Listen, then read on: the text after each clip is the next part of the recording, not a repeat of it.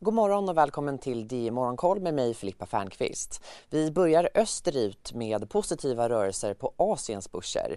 Nikkei 225-indexet är upp 1,4% och breda Topix är upp 1,2% Bank of Japan väntas dra ner sin tillväxtprognos och dra upp inflationsprognosen senare under månaden.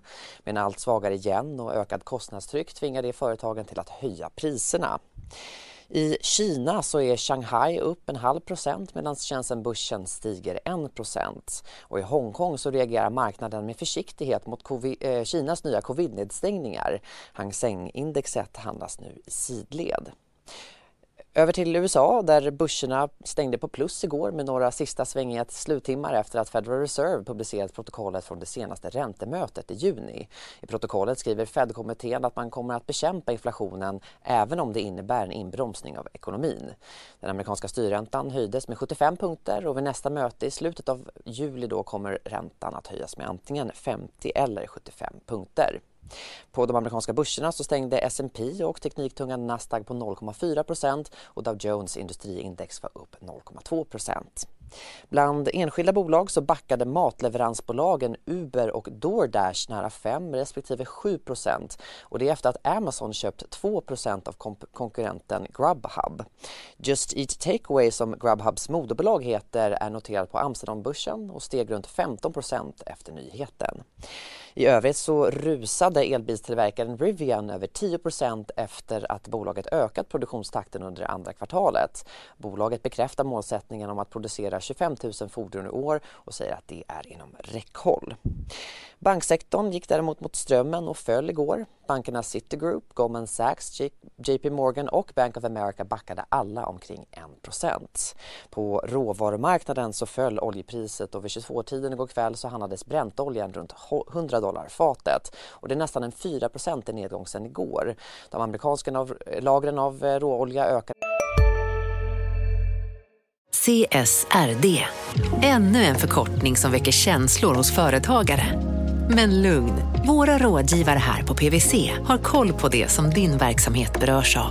Från hållbarhetslösningar och nya regelverk till affärsutveckling och ansvarsfulla AI-strategier.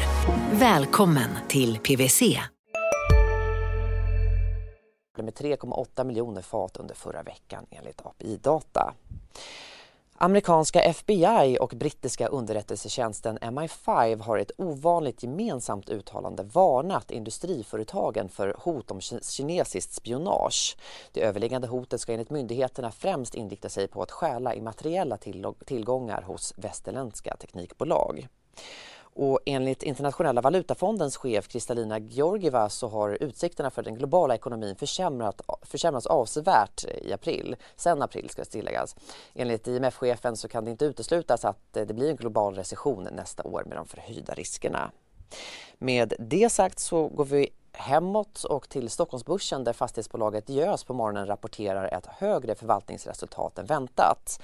Driftöverskottet mötte marknadens prognostisering på 308 miljoner, 380 miljoner kronor men medan eh, förvaltningsresultatet var 313 miljoner mot väntade 307 miljoner kronor. Ja, som ni hör så har rapportsäsongen smygstartat för det andra kvartalet och lite senare under dagen så är det Catena, Nevika Fastigheter och Beskab och Industrivärden som öppnar upp sina böcker. Dessutom så meddelar First North-noterade ljudboksföretaget Storytel sina streamingintäkter och eh, abonnentsiffror. Mer om det så får ni höra om i senare sändningar.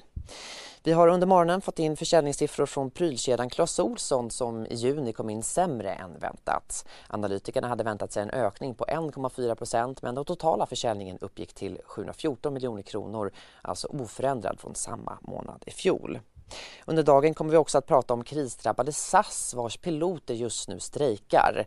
Nu är det många resenärer som blir kvar på marken men i juni så flög flygbolaget precis som vanligt. Hur många som valde att flyga med SAS får vi reda på lite senare. Idag är det också den sista dagen av politikerveckan i Almedalen som är Miljöpartiets dag. Det är tv sänder språkrör Per Bolunds tal klockan 11 men också partiets pressträff som börjar vid kvart över nio. Det var allt för den här sändningen, men vi är tillbaka med DI Nyheter klockan 10 och 13 och fram tills dess så kan du följa nyhetsflödet precis när du vill på di.se. Tack och hej!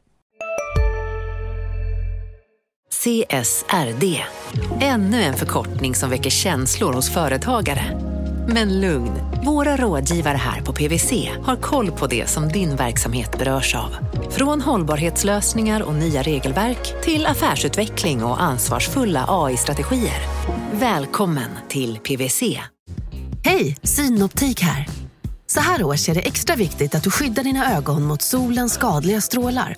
Därför får du just nu 50% på ett par solglasögon i din styrka när du köper glasögon hos oss på Synoptik. Boka tid och läs mer på synoptik.se. Välkommen!